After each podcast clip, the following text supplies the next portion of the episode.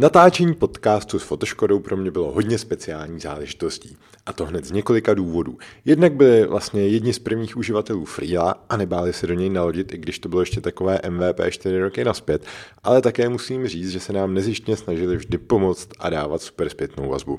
Fotoškoda byla naše první case study, nejspíš i můj první workshop a tak. Já věřím, že tuhle značku není potřeba moc představovat. Je to prostě jedno místo, kde získáte vše k focení v prvotřídní kvalitě. Od e-shopu až po kurz focení dronem. No a je to taky parta skvělých lidí. V podcastu se můžete těšit na příběh budování velké značky od začátku podnikání po revoluci, kdy to všechno rozhodně bylo úplně jiné, až do dnešního dne. Ještě než se do toho pustíme, tak bych vás rád pozval na webinář, který budeme natáčet společně s Máriem Rožinským 24. září. Bude to o efektivnějším fungování firmy a o využití Freela a Supportboxu. Druhá taková věc, které jsme ve Freelu nadšení, jsou šablony projektů, procesů, postupů a checklistů, které jsme dali dohromady se spoustou chytrých lidí. Najdete je na našem webu helpfreelo.cz lomeno šablony. A mělo by vás to zajímat minimálně proto, že se můžete skvěle inspirovat, jaké všechny kroky dělají profíci při řešení typových projektů a zakázek. A nebudete už nikdy na nic zapomínat. Tak, a teď už si užijte poslech.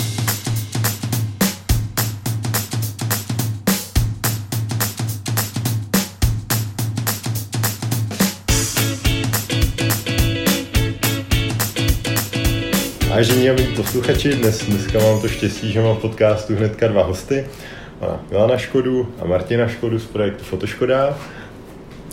A, a dneska se rozvíme něco o jejich 30 letech podnikání, kde v podstatě zaměstnávají stovku lidí, ročně prodají větší desítky tisíc nebo větší tisíce foťáků a, a proškolí, jsem slyšel, 40 tisíc fotografů.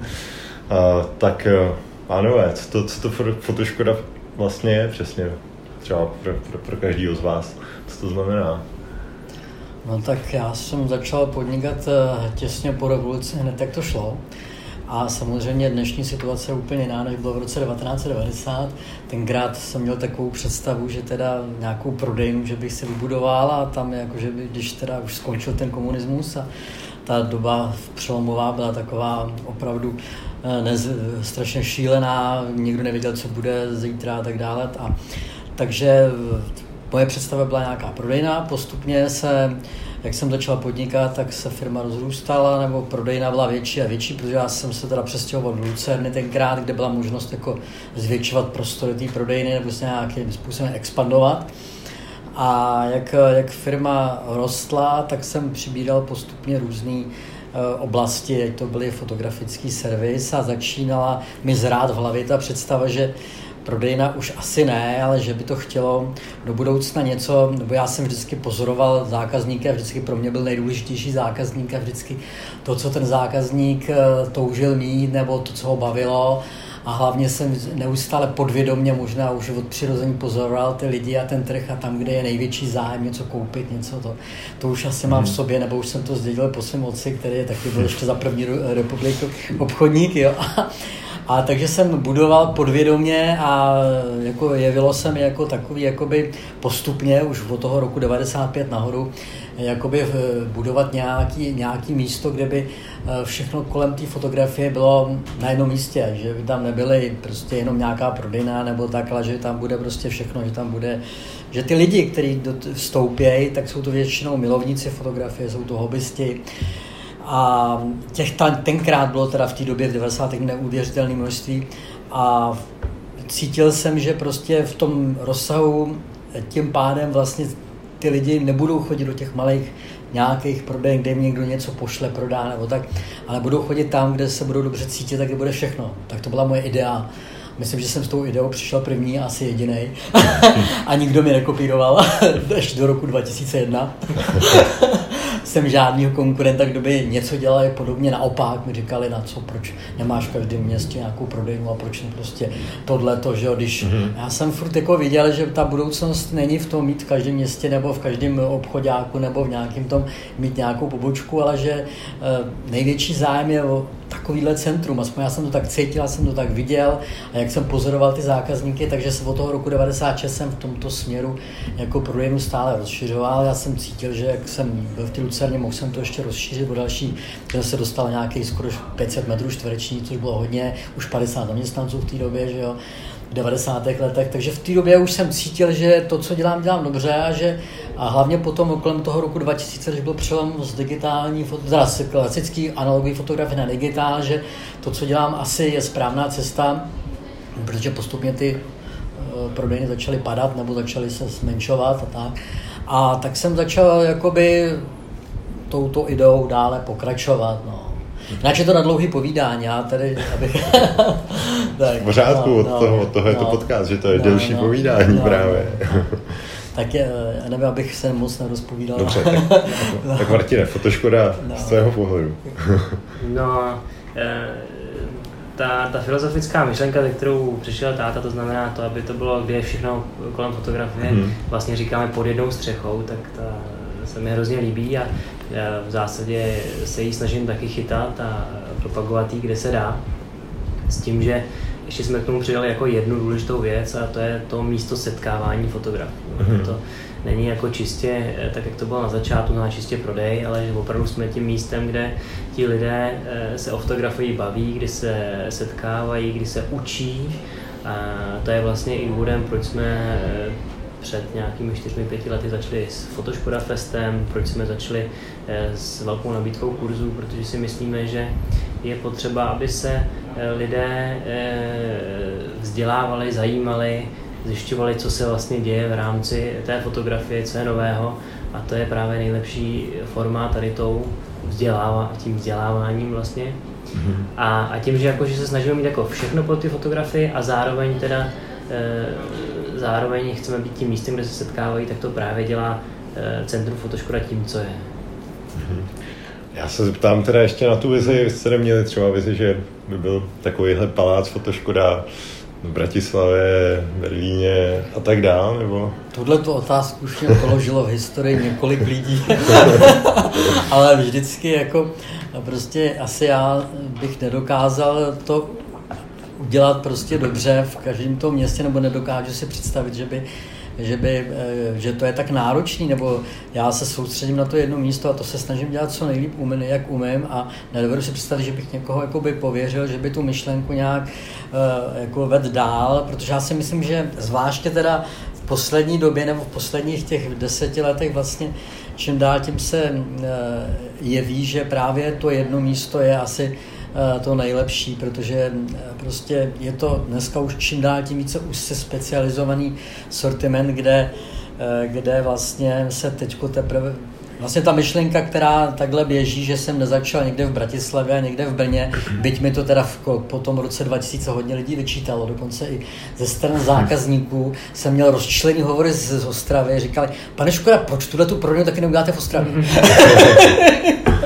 a takže nejste sám, takhle se mi ptal už a nejen ze strany zákazníků, ale i těch našich eh, vendorů, dodavatelů, mm-hmm. že jo, kterých jako chtěli vědět, že proč teda, jestli takovýho, ale jako já si myslím, že prostě bych nedokázal jednáč ty města jsou už menší a e, najít, už by těch lidí nebylo tolik, aby, aby se dokázalo se tak, tak dobře prostě nějakým způsobem e, to takovýhle centrum založit třeba v Bratislavě nebo v Brně. Ale dokonce jsem ještě měl, byl dál, protože jsem tady měl jednoho z Moskvy, který mi jsem přijel a on říkal, nezáleží mi na penězích, dostanete kolik chcete, ale udělejte mi to v Moskvě.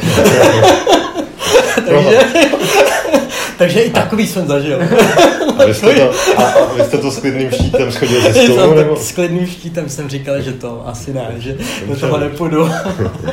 A já bych se ještě zeptal no. na nějaký ty začátky, jak to bylo vlastně po té revoluci, když tady země netknutá, někdo říkal, že to byl takový divoký západ, to podnikání, bylo. že to bylo jednoduchý, po všem byla poptávka a hlad, tak jaký to bylo podle, podle Bylo to pro prostě pro, jako, my jsme jako, já tenkrát jsem začínal sám a měl jsem k sobě tři spolupracovníky, který jsem si ještě tenkrát vybral ze státního obchodu a s těma jsem začínal a přesně jak říkám, už jsem eh, řekl, vizí tím, že pozoruju trh a pozoruju zákazníky a snažím se vybrat tu správnou cestu v tu chvíli, která která je ta nejlepší, ale jakož s těma lidmi mám zkušenosti, jakož jsem ty zákazníci fotografové, už ještě už vlastně skoro 20 let předtím jsem byl ve státním obchodě, ve fotografickém obchodě, takže jsem ty lidi znal, že jo. Takže jako vím a znal jsem jako i tržní ceny, já už jsem se v tom jakoby pohyboval, tak jsem měl trošku náskok. Takže když jsem začínal potom, potom kolem toho roku 90, 91, tak, tak to byl taková takový no, obrovský nepředstavitelný hlad po všem. No. Mm-hmm. A jako jak jsem přece jenom měl, uměl jsem německy, trochu anglicky, měl jsem kontakty už do Německa, to tenkrát v tu dobu to nikdo neuměl, že jo, nebo mhm. téměř nikdo.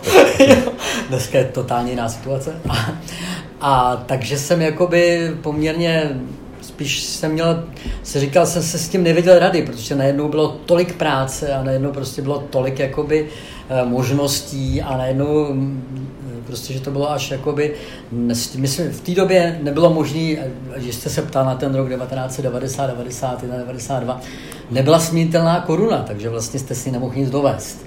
Takže jste musel to, co ještě bylo zbytky z těch socialistických podniků, pak jste měl nějaký, co bylo ještě z NDR v těch skladech, No a pak to hlavní, a to byl ten můj první tak, která, ta moje myšlenka, že každý, kdo mohl, eh, jel na západ a tenkrát ten socialistický stát ho vyzval, tak mu vždycky dal prostě trochu nějaký, uh, nějaký peníze, aby tam přežil, že jo.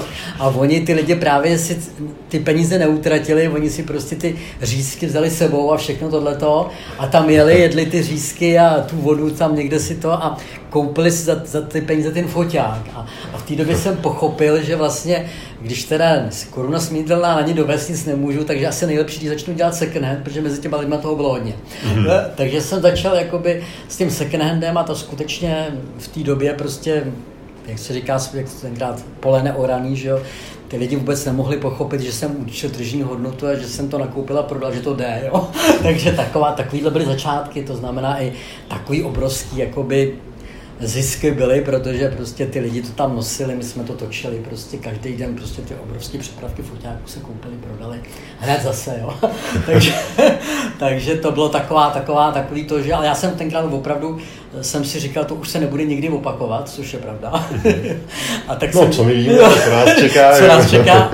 No a tak jsem dělal od nevidím do nevidím, no. Začal jsem prostě, vždycky jsem tam ráno byl první, poslední jsem odcházel, všechny ty lidi jsem prostě organizoval a začal jsem dělat ten business v second handu a to byl ten rok 90, 91, 92.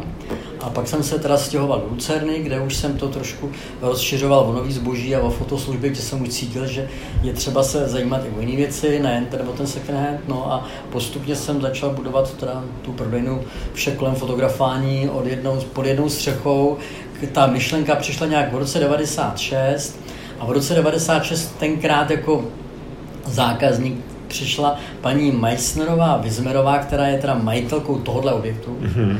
To znamená, která je pravnoučka pana Langhanze. Langhans je ten známý fotograf, který už od roku 1870 začínal budovat ateliéry, čerstvě vystudovaný chemik, že jo, který nějakým způsobem se začal zajímat o fotografování a tady úspěšně si pronajal a pak koupil tenhle ten dům ve, ve ulici. No a to je jeho pravnučka. No a ta jako, jako uh, se rozhodla, že v rámci restituce uh, a jelikož mě viděla naproti, jak podnikám, protože jsem se jí líbil, protože jak to dělám, protože jak tam chodila, tak říkala, ale tak říkala, konik, to se mi líbilo tady, tady, v tým prodej, tady, ona říkala tady v tom paláci, že? Pak se rozhodla to představit, takže to teda představí. No a pak přišla za mnou, že až to představí, že chce českého podnikatel, že ten nechce žádnou společnost, že chce mě. No, tak, tak v roce 2020 jsem se přestěhoval, začal jsem teda tady pokračoval, takže od roku 2002, což už je 17 let tady sídlíme v paláci Langans. No. Super. Uh, tak to je, ta, to je z historie, no. Historie. Nicméně jsme zažili neuvěřitelné věci. Jako těž, povídejte, no. povídejte, to mě zrovna zajímá. Neuvěřitelné věci je, jak ten vlastně přerod té fotografie kolem roku 2000, když jakoby se ta analogová fotografie přeměla postupně během těch 10-15 let přeměňovala v digitální, že ten čas, kdy, kdy ty hobbysti a ty všichni tady prostě byli úplně dva tábory, které se vzájemně téměř nenáviděli, chodili proti sobě a tady zbrojili a tady my jsme pořádali takový ty besedy. No a, a ta, ta vždycky říkal, analogovou fotografii film nikdy nemůže digitál dohnat, že jo. Mm. A teďko se tady, teďko se o tom povídali, podívejte se na to a teďko tady, jako no a já jsem jako poměrně s chladnou hlavou neustále, jako obchodník jsem prostě bral podíl těch lidí, kteří fandí už digitál a který teda ještě mají rádi ten analog a furt jsem pro všechny vytvářel takovou tu podhoubí, abyste dobře cítili. Teda. tak to byly taková, to, to bylo to období teda toho toho přerodu teda od toho mm-hmm. digitálu. No. Samozřejmě o ty historii těch 90. let už jsem hovořil, to, když teda ještě nebyla, pamatuju v roce 92, nejednou přišlo to, že budeme platit taky nějaký daně a že, že bude DPH, což jsme ještě neznali v roce 92. Najednou mi přišlo, že teda 90, 93 to bylo, že jsem dostal takový papírek, že teda daňový číslo, ale do té doby já jsem od roku 90 do roku 93 neplatil prakticky žádný daně a, a neměli jsme DPA.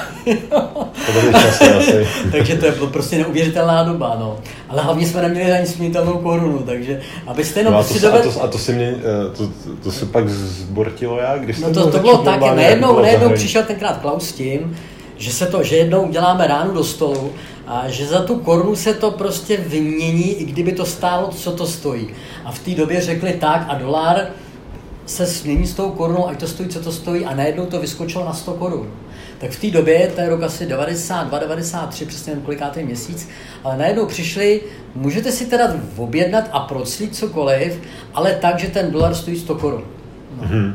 No a samozřejmě, jak ty platy byly 2-3 tisíce a dolar 100 korun, takže se jen tak taky něco nedalo dovést, protože kdo by to koupil. jasně, jasně.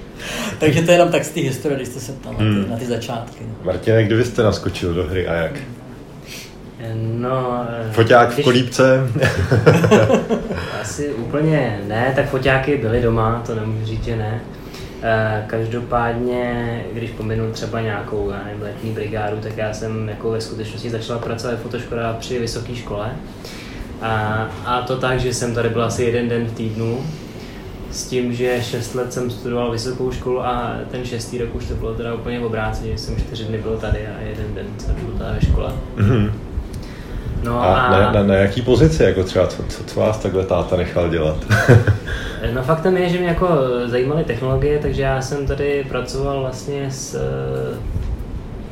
uh, ITákama nebo prostě v rámci nějakých IT, IT technologií, takže ty jsou mi asi jako nejbližší, nebo s těma jsem tady začal a e, postupně jsem pronikal vlastně díky tomu i do všech e, jednotlivých vlastně oblastí, protože ono vlastně e, v těch 90. letech se všechno dělalo na papír, ale pak postupně přišly počítače, teď že mobily a weby, já nevím co všechno, tak se to prostě všechno digitalizuje, že? a to je vlastně taková něco, co vlastně znamená všechny procesy, které tady máme člověk musí znát na to, aby se mohl přenést z toho papíru na, na ten digitál. Takže mm-hmm. vlastně jedna, jedna z těch mých rolí bylo vlastně poznat ty procesy a jak si úspěšně je převést uh, do, do, těch, digitálu. do toho digitálu. Jo. Eh, já, já neříkám, že jsme v tom byli třeba úplně 100%, že bychom všechno měli v, v digitální podobě, ale minimálně, minimálně v tom smyslu, že všude se používají počítače, že všude se používají programy, včetně teda Freela. Mm-hmm. Když už jsme tady s vámi, tak to musím zmínit. Tak, tak prostě se s tím nějak lidi musí naučit, musí vědět, jak s tím manipulovat a tak dále. Takže to byl takový jeden z mých úkolů. No a pak postupně eh, v zásadě eh, jsem proniknul do těch obchodních oblastí, marketingových i účetních, takže eh, s tátou se teď v zásadě plně nahrazujeme. A kromě toho teda tady ještě pracuje můj bratr mm-hmm. Štěpán, a ten zase proniknul hodně do těch finančních oblastí. Ne? Dělal matfis, takže analýza všech možných statistických údajů jako je mu hodně blízká, takže, takže kolem učetnictví. Takže učetnictví a tak dále. Čísla, ekonomika. Tak předpokládám, že u vás, když se sejdete doma u večeře, tak je... tak je o čem povídat. Tak je asi o čem povídat, co? to určitě, že jako bychom se dovedli povídat do nekonečné. Tak. A jak to máte, když se potřebujete na něčem shodnout? Vy máte furt hlavní slovo, nebo dvoutřetinová většina, nebo jak to u vás funguje, když, když se hlasuje no, o něčem nebo rozhoduje? No, to rozhoduje. Ale těžko říct, jako já, já se snažím teda jakoby postupně se stahovat, jak se říká, aspoň byl jsem na několika těch setkání rodinných firm, tak jsem se snažil jakoby, eh, jakoby se z nich brát příklad, z těch eh, pozitivních a negativních příkladů, abych, mm-hmm. abych neudělal ty chyby, co se většinou dělají, no, takže takže v podstatě se snažím, aby, aby prostě jsem do toho zasahoval čím dál tím méně. Tak. no a jak, jak mě učili, teda, že bych to měl dělat, takže jako já bych měl jít ze schodu dolů a Martin ze Štěpánem by měl jít ze schodu, po schodech nahoru. A tak nějak by to takhle by postupně, ale hlavně já se domnívám, že je to takový velmi dlouhý a postupný proces, při kterém je, je třeba najít nějakou společnou mluvu nebo dohodnout se, jo, protože to není jednoduchý, jo, protože ty pohledy jsou někdy docela rozdílný a je potřeba opravdu být hodně velkorysý, hodně nad věcí a, a dokázat prostě nějakým způsobem se prostě dohodnout na tom. No což mm-hmm. jako není, není úplně jednoduchý. No a co, tak, no. co vám v tom třeba pomáhá? Máte nějaký, jakože, dobrý, tak to frýlo ještě odložíme, vrátíme se k tomu zase za měsíc, nebo jak, se, jak, se, jak tady zavádíte třeba nějaký inovace? No, Martin za, za, za, za, zaváděl frýlo, že jo? no, tak já to hodil takhle hezky na mě, ale je to, je to fakt tak, že eh, jsou tady prostě určitý oblasti, které třeba víc řeším já, tak, tak ty třeba eh, si rozhodu i já a pak jsou oblasti třeba, kteří jako historicky, který historicky řeší víc táta, takže mm, tak. ty si i rozhoduje táta. Takže to, co vlastně uh, se děje, je to, že uh, já postupně pronikám do více a více oblastí, ve kterých se prostě táta táta stavuje. Takže to, co se týče třeba konkrétně Freela, tak to jsem v zásadě, ano, nějak jakoby rozhodl. A bylo rozhodnutí, to bylo asi moje rozhodnutí. Který já jsem nějak nebrzdil. děkuju, děkuju. Ale nechal jsem to plně na něm. jo, ale e, i když třeba to, ono to je často myšlenka, která přijde vždycky od někud třeba e, z řad zaměstnanců nebo kolikrát i zákazníků. A, a, a pak je potřeba k tomu udělat vždycky nějaký, jako pos, se k tomu postavit, jestli jo, nebo ne, nebo v jaké míře. No. A to se snažíme vždycky nějak řešit. No. Mm-hmm. Já bych se ptal možná, uh, fotíte vy dva?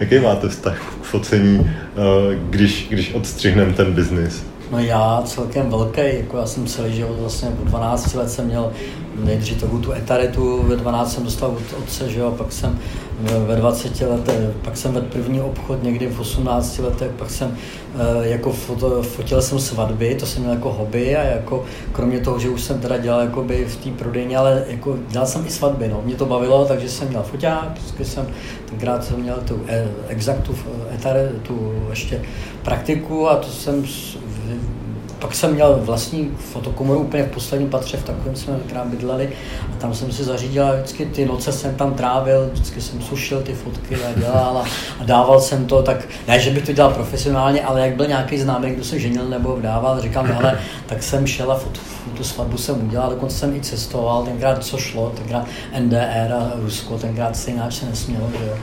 A tak tam jsem kolikrát vždycky něco nafotil, nebo dokonce mi to i otiskli a tak. Takže, takže asi jsem fotil, jako mám samozřejmě. A pak jsem jeden čas se mi líbily foťáky, jsem je i sbíral. No a pak jsem byl dokonce soudním znalcem, já jsem 15 let byl soudním znalcem. Přes fotografování od roku 94 až po roku 2007, či když někdy byl nějaký, potřeboval jsem někdo ohodnotit něco, tak i k soudu jsem chodil kvůli foťákům, když něco hmm. ukradlo, tak jsem stanoval tržní cenu. Takže, hmm. takže eh, to, to je mimo jiné, ale eh, teďko fotím zahradu, fotím sport, mám rád lyže, takže děláme sporty, takže to všechno, to, co nás baví, tak to rád fotím samozřejmě. takže no. fotím. Ne, že bych nefotil. No. A máte Instagram?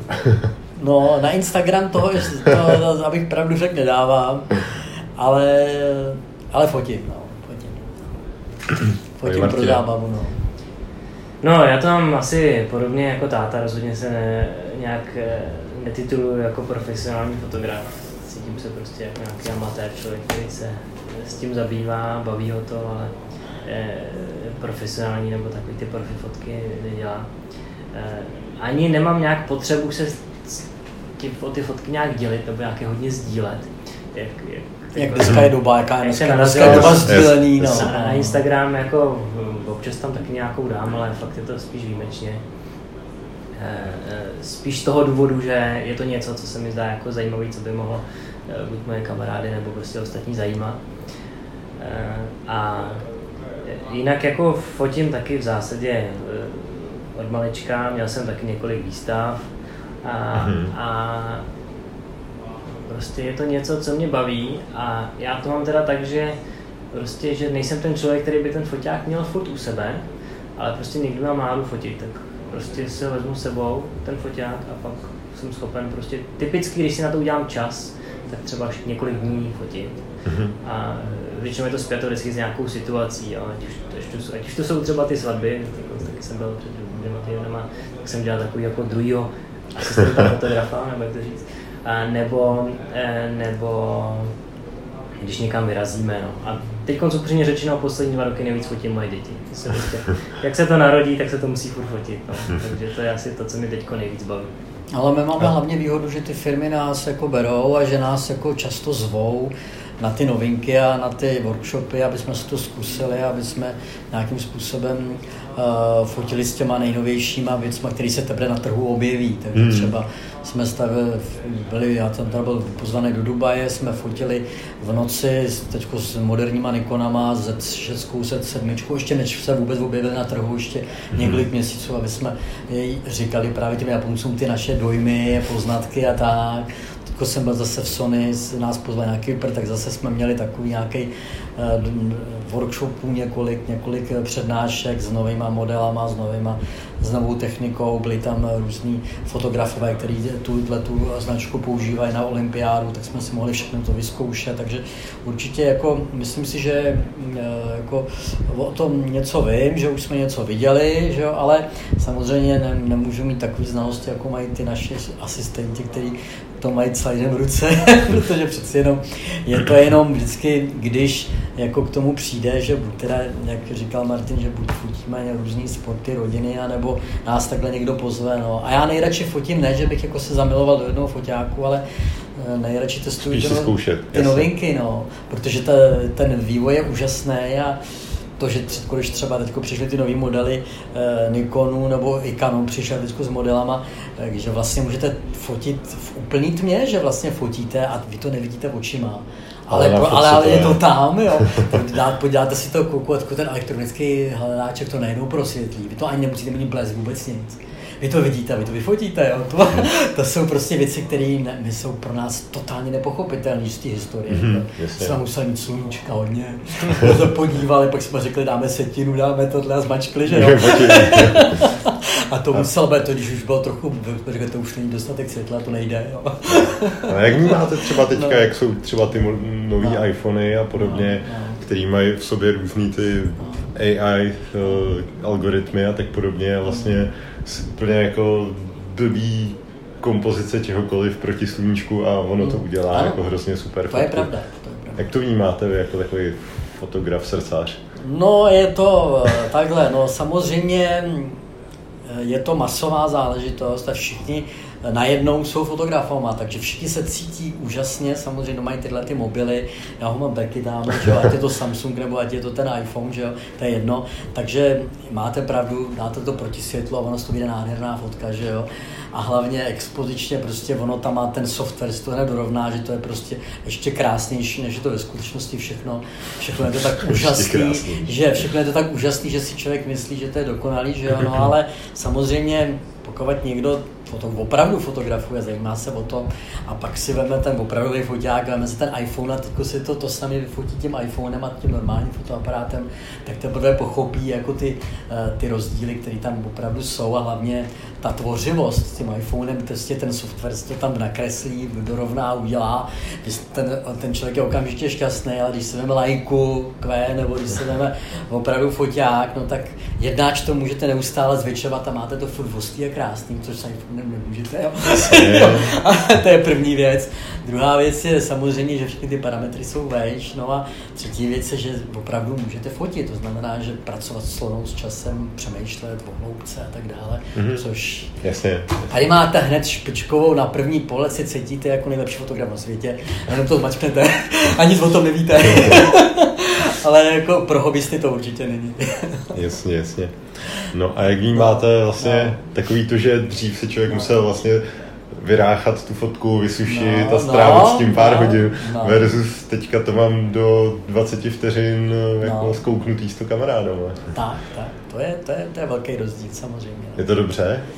Ne, dobře, já nevím, no tak jestli je to dobře nebo ne, ale rozhodně Rozhodně si myslím, že to, ta klasická fotografie, nevím, mělo obrovské. Já vím, že v těch 90. letech, když si vzpomínám, tak naproti jsme měli tady, teď je tam ten outlet, ta velká prodejna s těma 500 metrama čtvereční, tak tam byl takový úzký vchod a jsme měli takový ten kobereček a denně já jsem to jednou pozoroval, mě tam denně prošlo mezi 4 až 5 tisíci lidma tím úzkým vchodem, jo, jak obrovský zájem o to fotografování v, Český, v Čechách je a co lidí tam, tam prostě byl vchod, kde jenom takhle, jo, chodili lidi tam a zpátky a procházeli tu prodejnu a vraceli si, jak, jaký byl obrovský vztah k tomu fotografování. Tím. Takže dneska samozřejmě se to přesunulo k počítačům a už hold je to trošku jiný, že jo, takže, a, takže ta doba se změnila, nicméně lidi rádi fotějí tak, jako tak prostě to tady zakořeněný a Česká republika je vyhlášena jako národem fotografů a myslím, že se blížíme těm Němcům, že vlastně jakoby eh, tolik fotografů, jako je u nás, je málo kde na světě. Mm-hmm. No, já, já si taky ještě pamatuju tu dobu, kdy se jel na tu dovolenou a teď, teď tam měl člověk namotáno na těch 24 fotek a musel si to jako, jo, tak ve středu uděláme 3-4 fotky, no, tak. A aby, aby, aby, aby, bylo na cestu domů. No ale o tom se pak přemýšlelo, než se to zmačklo a hodně, no. Jak to nastavit a potom, pak totiž to, to překvapení a to čekání, jo. jo co z toho bude? To byly, no, když pak jako se na to člověk těch 14 dní těšil a pak najednou přišel jako viděl ten film, to, to nadšení, že to všechno. A nebo tak no. ježiš, já jsem nevyměnil ten film. ano, já, to, no. ne, ta, ten, to, to kritérium vlastně výběru těch fotografií je teď docela jako důležitá věc, protože i, i teď prostě člověk, když jede třeba na tu dovolenou, když to vezmu z toho jednoduchého pohledu, eh, tak eh, nevyfotím teda 36 nebo 72 fotek, jsem dělal dva filmy třeba v minulosti, ale udělám třeba 2000 fotek, mm-hmm. nepřijde mi to úplně zvláštní. A, ale když se pak jako procházím ty fotky, tak jako pro mě nějak retrospektivně, jo, proč to fotím, abych zachytil nějaký moment, který prostě mi něco připomene, tak stejně tam budou nějaký čtyři fotografie nebo osm fotografií, ke kterým se budu rád vracet, nebo který třeba budu považovat za zajímavé. A Faktem je, že u toho filmu, jestli jsem udělal 72 snímků a z toho bylo teda těch 8, 4 až 8 dobrých, a jestli teď udělám 2000 fotek a z toho je zase 4 až 8 dobrých, jo, což prostě tak je, tak ta situace se vlastně nemění. Co je horší, vlastně co je těžší, je, jak to z těch 2000 fotek vybrat. Jako, jo. jo. A právě, že se nastává ta situace, kdy opravdu, kdy opravdu se říká vlastně naší generaci, generace ztracených vzpomínek, ty lidi prostě už nemají čas, jo, se na to zpětně podívat, na to zpětně nejde, podívat, jo. Mm. Těch 70 fotek jsem si zvládnul ještě jako vytisknout, takhle jsem to teda tenkrát ručně vybral, že o těch svých 8 záběrů jsem si uložil a teď jsem byl pišný a dal jsem si do toho alba. A teď mám teda 2000 záběrů, ale jako kdy budu mít čas si to projít, jako jo, těch 2000 záběrů. ale ještě cestuješ často, viď? A, a, takže jednak teda vždycky doporučuji, udělejte to ještě na té dovolené, nebo aspoň ten hrubý ano. výběr, protože když přijdete domů, tak to prostě nebude čas. Jednoznačně. To, to člověk ani nestihne třeba za těch 6-8 hodin no. letadle, jako co se letí jo, A mazat i třeba hned na místě, prostě nepovedlo se to, hned to mažu prostě, jo. A to je, to je jedna důležitá věc a, a, a opravdu z toho vybrat těch pár nejlepších a pak ty si třeba fakt znovu vytisknout, jo? protože když to třeba zůstane v tom telefonu a ten telefon spadne do vody, nedej mm. bože, a já si teda neplatím to drahé, drahý úložiště, tak, eh, tak eh, v tom případě prostě o ty fotky přijdu. No. Takže to, ten tisk, já to teda furt doporučuji, je to zatím nejosvědčenější zálohování, nebo jak to říct, No. Který po, po prostě... A stejně jako to na té fotografii vypadá líp, vypadá to jináč, no. Já když si udělám nějakou tu velkou fotku 3045 a když to si, tak se dívám se na pěkný monitor, taky to je, ale na té fotce je to prostě jiný, no, je to hezčí, no. A je to fyzický člověk, to má být No, no, no, je to jiný a je to tedy jako, a právě to vnímání je rozdílný, no, že třeba ženy to vnímají daleko jináč než muži, že třeba ženy tu fotku, že jo, do dneška slyšíte, že ty teď máš ten digitál a vždycky uděláš tisíce fotek, ale nikdy jsem o tebe pořádnou fotku neviděla. jo, takže jo, že to ne, na papír to nedáš, že jo, někde to tam je, těch tisíce fotek, ale ta žena, která přijde a chtěla by to mít v tom albumu, nebo chtěla by to mít v tom v té fotoknížce, nebo aspoň někde na, na stěně, tak to nikdy nevidí. Vlastně nevidí nikdy ty fotky, že jo, ta manželka, jo, protože hmm. je to někde v těch tisícech ztracených, někde v tom počítači, kam se nikdo nepodívá. No, to je bohužel dnešní největší problém. Já bych se vrátil zpátky k fotoškodě a tak a, a e-commerce a tak, tak bych se zeptal třeba, co je nějaká vaše největší výzva jako v dnešku, co vás třeba nejvíc pálí, na čem, na, na čem nějak pracujete, jakož to třeba e-shop nebo... Já, já přemýšlím, jako, protože eh, faktem je, že letos, že, že ten e-shop je takový taková věc, kdy vlastně lidé se jako první dívají na něj a potom vlastně na základě toho už si vydělají první dojem. Jo. Mm-hmm. A my jsme byli vždycky zvyklí, že oni chodili do prodejny a, a, a tam prostě uviděli nějaký množství lidí. Jsme vždycky byli tradiční prodejce. A i když jsme byli první, řekněme, průkopníci toho e-commerce u nás, my jsme měli vlastně první internetové stránky v roce 97. Mm-hmm. V roce 2001 už jsme měli prostě plnohodnotný eh, normálně e-shop tak, eh, tak prostě eh, je otázka, jak na ty lidi zapůsobit tím prvním dojmem na e-shopu, tak to je jednak pro nás důležitý.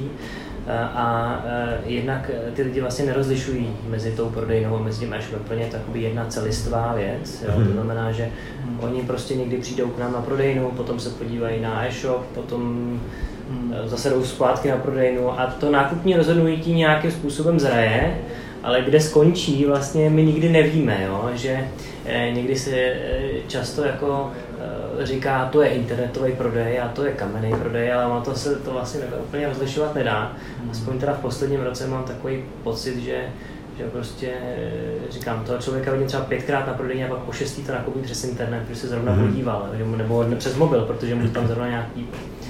Takže to je jedna taková jako výzva, prostě jak, jak to udělat, aby to pro ty lidi bylo jako srozumitelný, aby to, co viděli vlastně na prodejně, a tak aby to stejně viděli na internetu a aby se zároveň doplňovalo, protože ten internet má hmm. určitý výhody a ta prodej má taky určitý výhody. Jo? To, no, fyzi- se to. to fyzično je úžasný, ale ta, ta jednoduchost získání informace na, na, na e-shopu je prostě taky úžasná. Tak čili jak tohle šikovně propojit, aby to bylo co nejlepší. No. A pak samozřejmě je spousta možností, jak se na ten e-shop dostat. Že jo? Ta přeci jenom, co se budeme povídat, Google je nespravedlivé, jo? všichni přes něj hledají, ale faktem je, kdo tam víc zaplatí, tak ten je víc vidět. Jo? A není to o tom, kdo by byl jako kolikrát lepší, když jsou na to metody, já nevím, jaký všechny možný. Tak, eh, takže bohužel třeba typicky to nenahrává těm malým, malým prodejnám. A my se do toho snažíme teda samozřejmě investovat, aby jsme tam vidět byli, ale velmi, velmi to nenahrává právě těm malým prodejníčkám nebo tak, ty prakticky mizí. Eh, jako a Zůstává jenom to obrovský. No a zůstávají vlastně na ty větší prodejny. No. Takže do značné míry vlastně ta, ta rychlost toho internetu, jak prostě najednou prorostla, jak lidi začali nakupovat internet, má ten negativní dopad na ten trh. Ty lokální prodejci hmm. vlastně nejsou vidět, že? takže tam lidi nenakupují. Jo. Mně se hrozně občas líbí zákazníci, kteří se jako přijdou do prodejny a berou nás z toho e-shopu, že nás viděli jenom na e-shopu a teď sem přijdou a úplně prostě jsou totálně jako pro ně to neuvěřitelný zážitek, jako jo, že přijdou a že to ani ve snu by nás nenapadlo. Kolik tady máte foťáků ustavený a, a víte to? Nebo? Já to asi znamená. Kolik množství, to já ani se nedovolím říct, ale, ale je toho tady opravdu. Je toho tady palác. Stovky určitě, stovky určitě. Je to, tak to je, no foťáků. No, to je prostě nekonečně tady je opravdu foťák. A kdybyste měli říct nějaké věci, co se vám třeba osvědčily v poslední době, já nevím, v posledních třeba, dejme tomu dvou letech, nějakým, nějakým tom rozvoji dál? Co se nám nejvíce podařilo, myslíte? Mm, no, co vás třeba nejvíc posunulo, nebo co, co se fakt vyplatilo, že? protože různě se člověk v tom e-commerce jako setkává s tím, s nějakýma optimalizacemi logistiky a mm všelijaký AI věci, dat, datové věci a tak, tak co třeba z vašeho pohledu vás nějakým způsobem teďka posunulo za poslední dobu? No, z, z toho pohledu eh, e-commerce se snažíme, jakoby, aby ty lidi, říkám, říkám na začátku, se snažíme, aby ty lidi, jako, jsme na ty lidi působili jednotně, takže se snažíme tak i působit na tom, na tom webu. To, co jsme vlastně naposledy udělali jako velmi úspěšný, je vlastně ta, já tu můžu říkat e-shop s kurzama, ale je to vlastně jako online objednávací nástroj, k těm našim, k těm našim kurzům. No. Že jsem říkal, že jsme místo, kde se setkávají fotografové, místo, kde se vzdělávají fotografové, takže si myslím, že co se nám v poslední době povedlo, je právě tenhle ten portál na to, jakoby, jak si vybrat mm-hmm. Ten vzdělávací... A koupit si ten kurz. No, jak si vybrat a koupit si ten kurz, tak to bych řekl, že bylo v poslední době povedené. A, a druhou věc, která s tím vlastně velmi úzce souvisí, je vlastně eh, takový ten portál s eh, Photoshopera Festem, kde vlastně mm. si, si lidé eh, kupují lístky na, na, na fotografický festival, který pořádáme dvakrát do roka. Jednou je to teda první týden v červnu a pak je to druhý týden v listopadu, už, už asi Tři roky. Tři, čtyři roky po sobě. No. Čtyři roky, ale to, to. Čtyři už. No. no. A, a, takže to jsou takový dva hlavní ten musím, říct, ten musím říct, že měl výbornou atmosféru, protože hmm. vaši kolegové mě přizvali naučit fotografii, jak si udělat pořádek v zakázkách taky, takže jsem tady byl jeden z kurzů a byla tady fakt moc příjemná atmosféra a, a Zrovna teda, jestli zase, zase bych zmínil, že zrovna v tomto ohledu jako nám bylo Freelo přínosem, protože to je prostě taková jako jednorázová akce, která jako není každý den a, a, a člověk nemá všechno v hlavě, takže my máme připravený vlastně jeden projekt, kterým říkáme Photoshop Fest v rámci Freela, kde jsou prostě všechny jako ty jednotlivé mm. oblasti, které musíme v rámci toho Photoshop Festu jako obsahnout, eh, který mají svoje podúkoly a tak dále.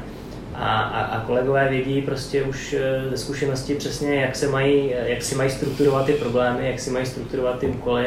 Eh, vlastně si je pak procházíme a, a, a potom Photoshop Festu a inovujeme tak, aby zase na ten další Fotofest to bylo o to jednodušší, rychlejší mm. a, a prostě se to jednoduše očkrtává, je to prostě ta, ta příprava vlastně formou nějakého tohoto projektu je, je výborná. No ono totiž, aby jenom ještě posluchači věděli, během toho týdne je to asi 500 workshopů, nebo kolik toho je? No, při, je asi 500 registrovaných eh, zákazníků, nebo ne, necelých 500 a máme asi 170 workshopů, jsme měli loni na listopadu. No, a různých akcí, no. Akcí, jako akcí a workshopů před To mi přijde jako hodně nabitý týden teda. Hodně, no, hodně. tak my máme na více místech, to není na jednom místě, mm, že? to běží po prodejně, něco tady, něco tady v té galerii, tam jsou tři místa, takže jasně. když je to ve třech, čtyřech, nebo ještě po prodejně různé akci v dodavatelů, takže všechny ty akce dohromady je, tak 150, 170 akcí tady máme. Mm. A vy takhle firmu řídíte striktně procesně nebo ve víc oblastech, že jako máte jako nějaký proces, ten furt inovujete, zlepšujete? Pracujete takhle vědomě s procesama? Uh, no třeba co týče toho Photoshop Festu, tak určitě. No. To je pro nás eh, věc, která vlastně nás, i to freelo vlastně bylo důvod, proč jsme ho zavedli, že tyhle ty opakované procesy, které třeba neděláme denně, nemáme v hlavě, tak, eh, tak nám to prostě zjednodušuje práci s nimi. Mm-hmm. Takže eh, v tomhle tom ohledu je to úžasný. Eh, pak je to samozřejmě otázka, jakoby, protože jsem říkal, že nás je tady 100, eh, jakoby jak to freelo udělat možná pro, pro všechny tady, protože abych řekl pravdu, nejvíce ho právě používají ti organizátoři třeba toho Photoshop Festu, řekněme ti vedoucí u nás, klíčoví pracovníci. Klíčoví pracovníci, ale jakoby jak freelo udělat pro, pro všechny, všechny zaměstnance, eh, se nám zatím nedaří, no, ale to ještě tak můžeme podiskutovat. Kolik, dneska máme kolem 20, viď, na tom freelo, nebo víc jich je ještě? Možná ještě víc, jako těch, co tam chodí pravidelně, bych řekl, že jako denně, tak je třeba jako do deseti, co tam chodí občas, tak je třeba do 30 a těch ostatních, který by tam třeba mohli chodit, ale nechodí, je do těch 100. Ale je právě ta otázka, jako jak to udělat. To. Eh, protože ono Freelo je vlastně aplikace, že jo, nějaká další aplikace a lidi jako nemají rádi, když mají moc různých aplikací. Přes kterou se ale jako hrozně jednoduše a fajn komunikuje, předává nějaká zodpovědnost za, za ten daný úkol a, a je to jako na jednom místě a všichni to mají na očí, že? což oproti třeba e-mailu odešlu e-mail, a což je vlastně úkol. Já, jako, já jako vím, že na něj čekám, hmm. ale kde mám celý seznam tady těch mailů, na který čekám a tak, no, takže... No. Tak. A ještě samozřejmě se pak ten úkol sám upomíná, že se blíží jeho termín, což ten e-mail taky neudělá, tak podobně. No. Bych se zeptal klidně, co používáte ještě dál eh, za nástroje k práci, tak obecně tady ve Photoshopě. Hmm. Uh, no celkem s tím bojujeme, protože nenacházíme na trhu moc eh, aplikace, které by nám úplně vyhovovaly, takže my máme dost aplikací napsaných jako uh, vlastní rukou. Uh, ať už to jsou nějaký docházkové systémy, nebo uh, kontroly pladeb a tak dále, objednávkové systémy. Tak ty... Ekonomický software. Tak ty máme napsaný vlastně od programátora na míru a, a pak jinak máme nějaký ekonomický systém, který tady používáme. No tak dále, tak tam je taky spousta věcí, které vlastně jsou na míru, ale tak to je asi obvyklé. Mm-hmm. Dobře, takže takový úrob si sám tady máte, aby to bylo přesně Do značné míry ano, do značné mm-hmm. míry ano. Protože jsme takový dost atypický, že jo, tady právě jak je fakt, že zavádění nových, nových systémů je vždycky problém v tom smyslu, že je to další nějaký přihlašování, další nějaký mm, řešení a to je vždycky eh, největší, největší zádrhel, jako, mm. že eh, lidi jsou zvyklí na, mají rádi svůj vlastní nějaký interface, na který jakoby jakmile vymyslíme nový, tak oni se v tom musí zorientovat. No. A vemte si to, že při 100 lidech už je i nějaká fluktuace, a, to a furt se někdo učí nový. Furt se a jak třeba takhle, jak, jak máte udělaný ten proces třeba zaučování, nebo když zavádíte něco, tak máte nějaký společný workshopy, nebo máte připravený nějaký materiály, jakože tady to si prostuduji, teďka jsi tady první den. Jak to, jak to u vás funguje, když no, nabíráte tak, někoho? Eh, typicky se zaučuje právě s někým, kdo, kdo ten proces zná, nebo závisí hrozně na té na pozici, protože e, máme tady prodejce, máme tady nějaký lidi, kteří stojí takzvaně za, za stolem, e, máme tady e, lidi, kteří jsou pracují vlastně ve výrobě fotografií a tak dále, takže podle, podle pozice, no. A typicky je tam vždycky někdo, kdo jako tu zkušenost má, toho se zaučuje ten, ten nový člověk, a potom taky máme, potom taky máme jednoho člověka, který vlastně jakoby dělá takový to, to školení, vlastně jakým způsobem to funguje eh, mezi odděleními, jaký technický vlastně zázemí všechno máme a tak dále. Takže je tam vlastně několik bodů, který eh, ten nový člověk u nás musí absolvovat. Mm-hmm. Já bych se zeptal možná mm. na nějaký kotrmelce a tak z průběhu let, jestli si na něco vzpomenete, nebo na nějaký, na nějaký no, příhody, co vás potkalo při budování fotoškody, kohokoliv z vás. No, tak tam co bylo hodně, no, tak nejsložitější asi byl ten přechod sem, protože to bylo takový, ta, že myslím, já jsem dost jakoby riskoval v té Lucerně, protože vždycky jsem nájemní smlouvu tam dostával vždycky jenom na rok, no a teď, když je těch lidí tolik a teď hmm. se vemte, když máte, e, já nevím, zaměstnáváte 60-70 lidí a teď řídí to a teď nájemní smlouvu na rok, že jo, teď všechny ty zaměstnance, že jo, a všechny ten pohyb zboží, no a, a tenkrát ta paní Havlová, no to je do dneška, že vlastně neví, jak to s tou adaptací Lucerny bude a tak, že jo, takže jako každým rokem obnovovala novou smlouvu, no, protože sama nevěděla, jestli to někdy adaptovat bude, a to neví do dneška. ale, ale, takže jako to, to bych řekl, že bylo hodně jakoby psychicky náročný, že člověk furt jako nevěděl a bylo taková t, žít v té nejistotě a budovat firmu není jednoduchý. No. Mm-hmm. To jako bych řekl bylo těžký. No. A pak bylo těžký ten, jako bych řekl asi ten přerod, ten rok 2000 až 2002, kdy jakoby uh, jsem se musel rozhodnout, jestli jít do těchto těch prostor, přibrat další 20 lidí, rozšířit ty služby a udělat to, to, ten svůj sen, když jsem viděl, jak prostě ty lidi, když se to mění, jak se ten nastupuje a že už jako nás třeba ty ani nebudou možná potřebovat a že ta digitální doba bude jiná, že jo, tak to rozhodnutí bouchnu to stolu, ano, já to tady zařídím, a ono se to nezdá, ale tady, že jo, tenkrát, když jsem to tady měl zařídit, tak tady jsem kupoval najednou 250 vitrín, že jo, nebo tak, takovýhle čísla. jako, jako, pro představu, že jo, v té době, no a koupil jsem tenkrát dva, do těch služeb, že jo, no, dva nový minilaby, tenkrát to byly ty velký stroje, tenkrát, že tenkrát bylo 8 milionů jenom do ty stroje, že jo, dva. jak, jak, no. jak rychle vám zastarali třeba?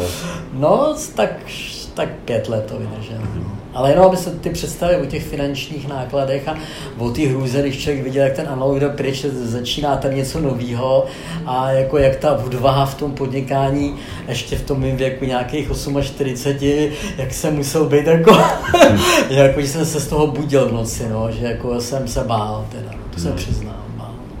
Ale zase jsem se spolehal na tu vlastní intuici, že jsem znal ty lidi, že jsem jako věděl ty čísla, kolik toho můžu nakoupit, jak se to mění a jak, uh, takže jako jsem věděl, že bych to uživit měl, jo, ale, ale bál jsem se hodně.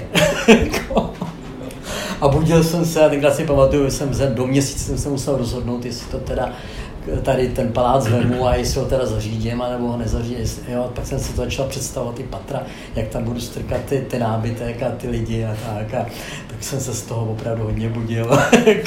to tenkrát ještě kluci nebyli, takže to tedy začínali, takže to tenkrát leželo na mě. No. A bylo něco, co vám třeba v těch chvílích pomáhalo? Jako, že No, tak jsem si jakoby, no samozřejmě oporu jsem tady měl v té svý eh, Janě, eh, která se mnou šla od nějakých 17 let, teď je tady personální ředitelka a tohle, tak nějaký ty lidi, měl jsem tady výborného architekta Mácha, Víču Máchu, s kterým jsem pracoval, který jsem věděl, že prostě bude stát za mnou a že to bere taky jako výzvu jako já, že, že to dokážeme, jo, takže takový ty pár lidí, kteří opravdu za mnou stáli a který stáli při mě o který jsem věděl, že se můžu opřít, no a tak jsem pak se že jdeme do toho. Ale jako opravdu ty investice jsem musel znova všechno si vzít půjčku, znova všechno investovat do nejistoty, prostě nabrat lidí, prostě to bylo opravdu odvážné a to bych řekl, že bylo to asi jedno z těch nejsložitějších období. Mm-hmm. A pomenete si ještě třeba na nějaký, na nějaký selhání, kterým se teďka pousmějete? Průběhu doby nějaký zapomenut, ale jo, nějaký tak... kamion zapomenutých foťáků někde nebo něco. Ano, tak my jsme tady, že jo, tak já nevím, jestli to... Ne, možná by bylo, eh, ne, já, někdy nevíme, jestli to máme říkat nebo ne, ale no. tak já to tady můžu říct asi. Eh, přeci jenom, eh, jak táta i třeba říkal, že nemáme žádné pobočky a tak dále. Uh-huh. Ono totiž ta prodejna jednak musí hodně reagovat na změny a jednak je prostě úzce propojená jednak s osobou mýho táty teď už s náma dohromady, tak eh, ti lidé prostě nějak eh, prostě vědí, že nakupují škody, jo. takže mm-hmm. nám se tady jednou stalo právě eh, večer, když zavíral, zavíral prodejna, tak jeden z našich zaměstnanců prostě měl to oprávnění, že teda uzavře prodejnu a bude odcházet. No. A těsně předtím, než měl odejít, tak si zašel jenom za roh, mezi tím mu prošel nějaký zákazník, který nevím z jakého důvodu šel do, prakticky do tmy, ale prostě vešel do prodejny a myslel si, že něco nakoupí. No. A on mezi tím přišel, zavřel a odešel. což samozřejmě, což samozřejmě neznamenalo nic jiného, než že se spustil alarm a to už ten člověk mezi tím byl pryč. A, a, a ten člověk mě právě hrozně zaujal, jakoby co křičel. Jsme to pozorovali na kamerách. že on jako e, nekřičel pomoc, nebo nekřičel e, dostaňte mě odsud, ale křičel, e, pane Škoda, okamžitě přijďte a zachraňte mě. tak to už nějaký srdce. Pane Škoda, kde jste? jo, a prostě vyloženě hledal prostě pana Škodu, jako jo, a to ven. Což, jako je, ale je to fakt, že jako, a jako mám z toho dobrý pocit, že vždycky, když jdete do těch nadnárodních společností, tak nevíte, kdo za tím stojí, kdo to vede hmm. nic, že jste tam někde v tom anonymním prostředí, když to, já když třeba tu hodinu, dvě hodiny si věnuju, že procházím ty oddělení, popravím se s těma zákazníkama, oni jsou strašně rádi, že zatím vidějí toho člověka, tu fyzickou hmm. osobu, jo, to myslím si, jako vidím, že ty zákazníci to hodně kvitují, že to mají jako, jo, jo. mají z toho dobrý pocit, no. Myslím si taky, že tam vnímají no, a, a pro mě je to taky závazek, že já nemůžu říct žádnou blbost, nemůžu jako, nemůžu si dovolit. No jdete, já, jako nemůžu jde, si dovolit. Jdete jako, do skůží na trh. Prostě, jo, skůží na trh a že jako, jako nemůžu. A oni mi tak jako někdy až věří, až se z toho potím, že řeknou, pane, mám si koupit tenhle objektiv a já to řeknu, oni ho koupí. Takže, takže já nemůžu říct nějakou blbost, jo. Já musím říct, jako opravdu tu informaci jako ne, ze mě nemůže, já si netroufu, abych řekl něco, co není hmm. pravda, jako to já se nedovolím teda, protože potom by, bych si ztratil tu svoji image a to nemůžu, jako, takže... Jasně, jasně. No, to je pravda, no, že jdu z kůži na trh, no. Já bych se zeptal ještě třeba na nějaké vzdělávání. Doporučíte mi, jaký byste mi doporučili třeba knížky, které vám pomohly třeba takhle nějak no, v podnikání, v biznise, nebo i v životě? Máte nějaký takový, který vám vyvstanou na mysl? Nemyslím teďka nutně jenom o focení. Já přemýšlím právě, protože no. eh, jako nejsem rozhodně žádný velký čtenář, ne, tak se nepovažuji, ale e, poslední knížku, která jsem čet, kterou jsem četl a která mě zaujala, je e, Konec krastinace od mm-hmm. Petra Ludvíka. E, myslím, že se jmenuje taková relativně úzká, úzká knížka, jmenuje se e, Minutový manažer, tak docela pěkná. Mm-hmm. A e, jinak jako teď jde o to právě, co člověk čte, jestli to je za účelem vzdělávání a, jo, jo, a to ostatní, co čtu, tak většinou jakoby, směrem jakoby, k tomu jako asi odpočínat. No, tak, mm-hmm, jasně. No, Dobře. buď přímo takovýhle manažerský, anebo fakt takový jako odpočinkový. No. Ale vyloženě čtenář nejsem, takže bych toho četl eh, hromady to ne. Dokonce už si to kolikrát radši pustím eh, buď audio. jako film, nebo jako audio. Obě, oboje.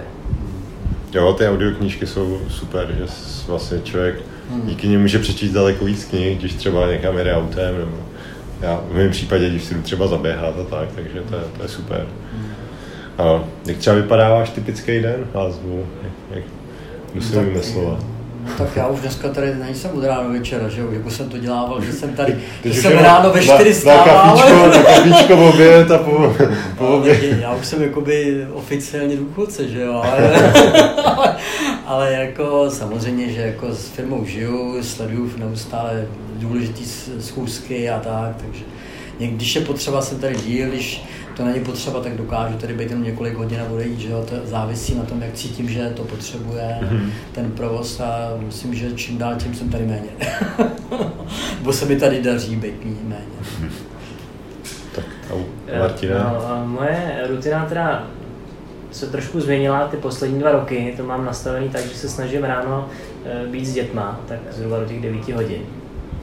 A potom teda bych byl nejpozději na tu desátou práci, a e, pak jsem v práci tak, jak je potřeba. Čili e, někdy v 6 jdu domů, někdy v 7, někdy v 8, prostě jak to zrovna vychází. No. Hmm. Takže tak nějak, a ten den se snažím rozvíjet tak, abych vždycky aspoň jednou, přesně hmm. jak to říkal táta, prošel celou prodejnou, s každým se pozdravil a e, vyzjistil, jestli není nikdy nějaká závažná překážka tomu, aby to mohla fungovat. Tak to je jakoby jedna z těch jako věcí, které mm. jsou, jsou pro mě jako velmi důležité.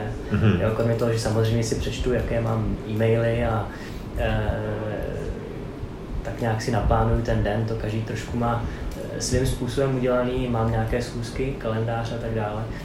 Ale tohle to považuji jako za velmi důležité. Jednou za den vždycky projít celou tu prodejnou, s každým se jako pozdravit vizuálně, minimálně aspoň, aby měli představu, že Eh, že tady je nějaký šéf, který to prochází a na který se můžou vlastně i obrátit. Jo.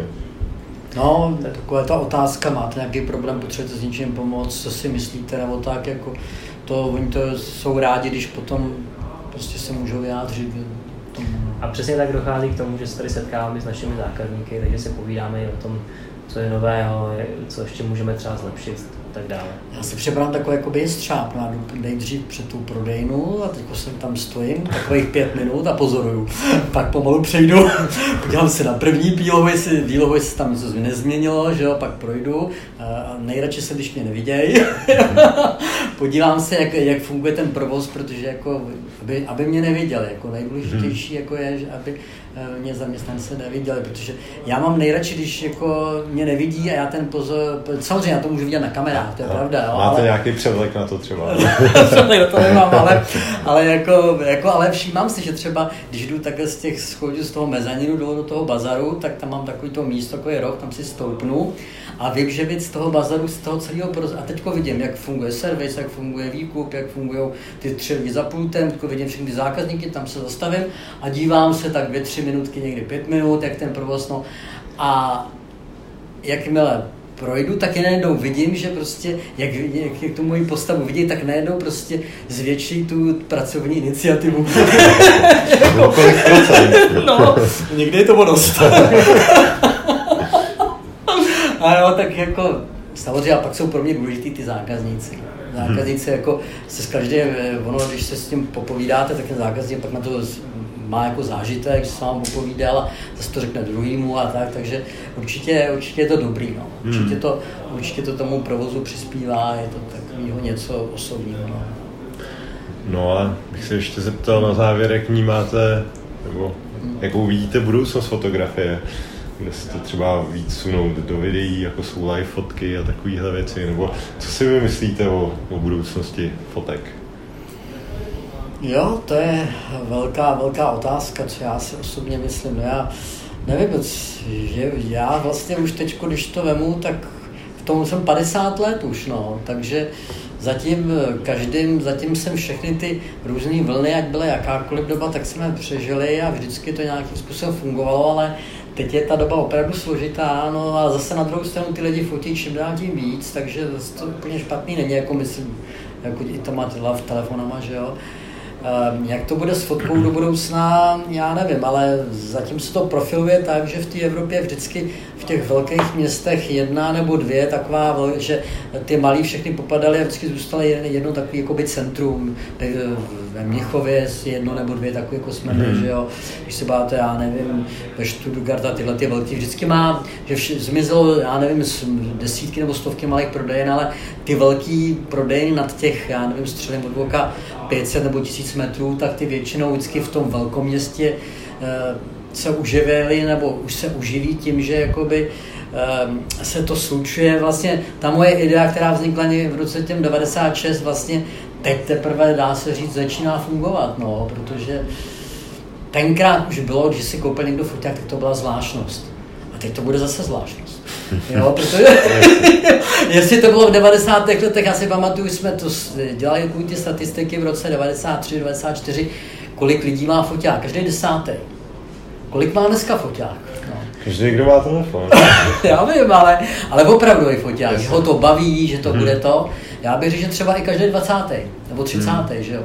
Takže já osobně si myslím, že za takový rok nebo dva ještě to trošku klesne, ty foťáky, ale pak se to ustálí a budou to ty profíkové hobbysti, kteří to kupovat budou a to, to místo pro jeden velký specializovaný obchod by tady měl zůstat. No. Mm-hmm. Tak to vidím já. ale nevím. Samozřejmě jsou to jenom naše tajní přání. já nevím, jak to vidí Martin, ale já to nějak takhle vidím, že by to mohlo být. No. Doufám. No. A vy teda, Martine? No, tak je tady spousta trendů, který si teď jako nastolují. To znamená, jednak, eh, jednak je to nějaká, nějaké to, nějaký způsob zaznamenávání videa, to je to, jak to tady trošku tak naznačil. Mm. Tak to je určitě téma, který nás vlastně už začíná teď oťukávat pěkně. To znamená, že když fotím, tak zároveň filmuju. filmuju. A, a my jsme od jak živa vlastně mm, jako nabízeli, bylo to v 90. letech se to jmenovalo foto, video, Milan Škoda, nebylo to jenom foto, takže, takže to video jako by nás vždycky provázelo, takže mám pocit, že nás, bude, nás bude provázet dál. A, no, e, pak je to samozřejmě otázka, jaké všechny kreativní věci lze s tím fotoaparátem udělat. Jo. A, to znamená, že ten mobil pravděpodobně bude tím e, nástrojem na to zaznamenání nějaké skutečnosti a ten fotoaparát bude spíš taková jako kreativní práce pro ty lidi, co to fakt baví, co to chce s tím chtějí třeba i živit, nebo prostě z různých důvodů chtějí jako kreativně eh, prostě ovlivňovat tu fotografii, protože vlastně fotoaparát pracuje, pracuje díky tomu, že má optiku nějakou, eh, pracuje vlastně s fyzikálníma vlastnostmi to, jak pracují se světlem. A, a není to vlastně ta, ta digitální věc. Takže v ten moment já vlastně kreativně vlastně ovlivňuji přímo to fyzično toho, toho, toho světla. A to si myslím, že je to, co zůstane. Hmm. A u fotografie No já, a přidá se k tomu no. nějaká další věc. Já tajně doufám, jako že jako showroom bude vždycky, že lidi vždycky budou chtít se vzdělávat a budou se to chtít osahat. Si myslím, že v budoucnosti vždycky bude. A že mhm. takový to jedno místo v Praze, kde všechny ty firmy nebo všechny ty výrobky, co teď jsou in a jsou opravdu zajímavé, když budou na jednom místě, tak si to vyzkoušet, ošahat a, a něco se naučit, si myslím, že v tom by to by nemělo skončit. No. to by nemělo skončit. No. A když tomu ještě připomínám, eh, přiberu to, že ty lidi jsou docela tvořiví, kreativní a že je bude zajímat historie a že je bude zajímat eh, vůbec ten vývoj, tradice, tak, eh, tak si myslím, že třeba nebude těch lidí tolik jako teď, dejme tomu, ale že ty lidi budou. No. to bude fungovat. No, jsme zapomněli vlastně říct taky jeden trend, který teď taky vnímáme, že lidi se jako rádi vrací no. zpátky k tomu analogu. To znamená, ano. že ten digitál, jo, že ten digitál je úžasný, třeba mi stačí ten telefon, ale já bych si chtěl chtěl bych si prostě vyzkoušet, jak to dělal ten můj táta, no. to překvapení té fotky, rodina, no, to... překvapení té fotky, prostě, že to nafotím ten film a teď, teď si to nechám buď vyvolat, anebo to vyvolám sám třeba kolikrát. Ještě pořád máme prostě všechny nástroje, které jsou potřeba pro temnou komoru. Jak jsem vlastně prožil ten vývoj, tak my jsme jediný místo v České republice, kde to retro funguje na 100%. To znamená, že hmm když máte starý foťák, tak my vám ho opravíme, že jo. My ho umíme založit film, my, my ho umíme, my ho umíme vyvolat, ať je černobílé, ať je barevné, my ho umíme udělat diák, že jo. My děláme na to kurz, my tam pozveme i ty, aby si to vyzkoušeli. Eh, takže to je tolik věcí, takže ten člověk, když zatouží v těch 20 letech, hele, jak to tenkrát náš táta dělal, nebo dědeček, že jo, tak prostě má tu možnost to zkusit. A ta touha těch mladých lidí, já si pamatuju, před Vánocem jsme měli frontu na to. Hmm. Jo, aby si to mohli vyzkoušet a si to kupovali. Takže e, i třeba jako když pak jsme opravdu to jediné místo v té České republice, kde to teda všechno funguje, tak si myslím, že ty lidi na to se taky najdou. No. No je, mezi náma řečeno, my vyvoláváme denně 100 filmů, jako.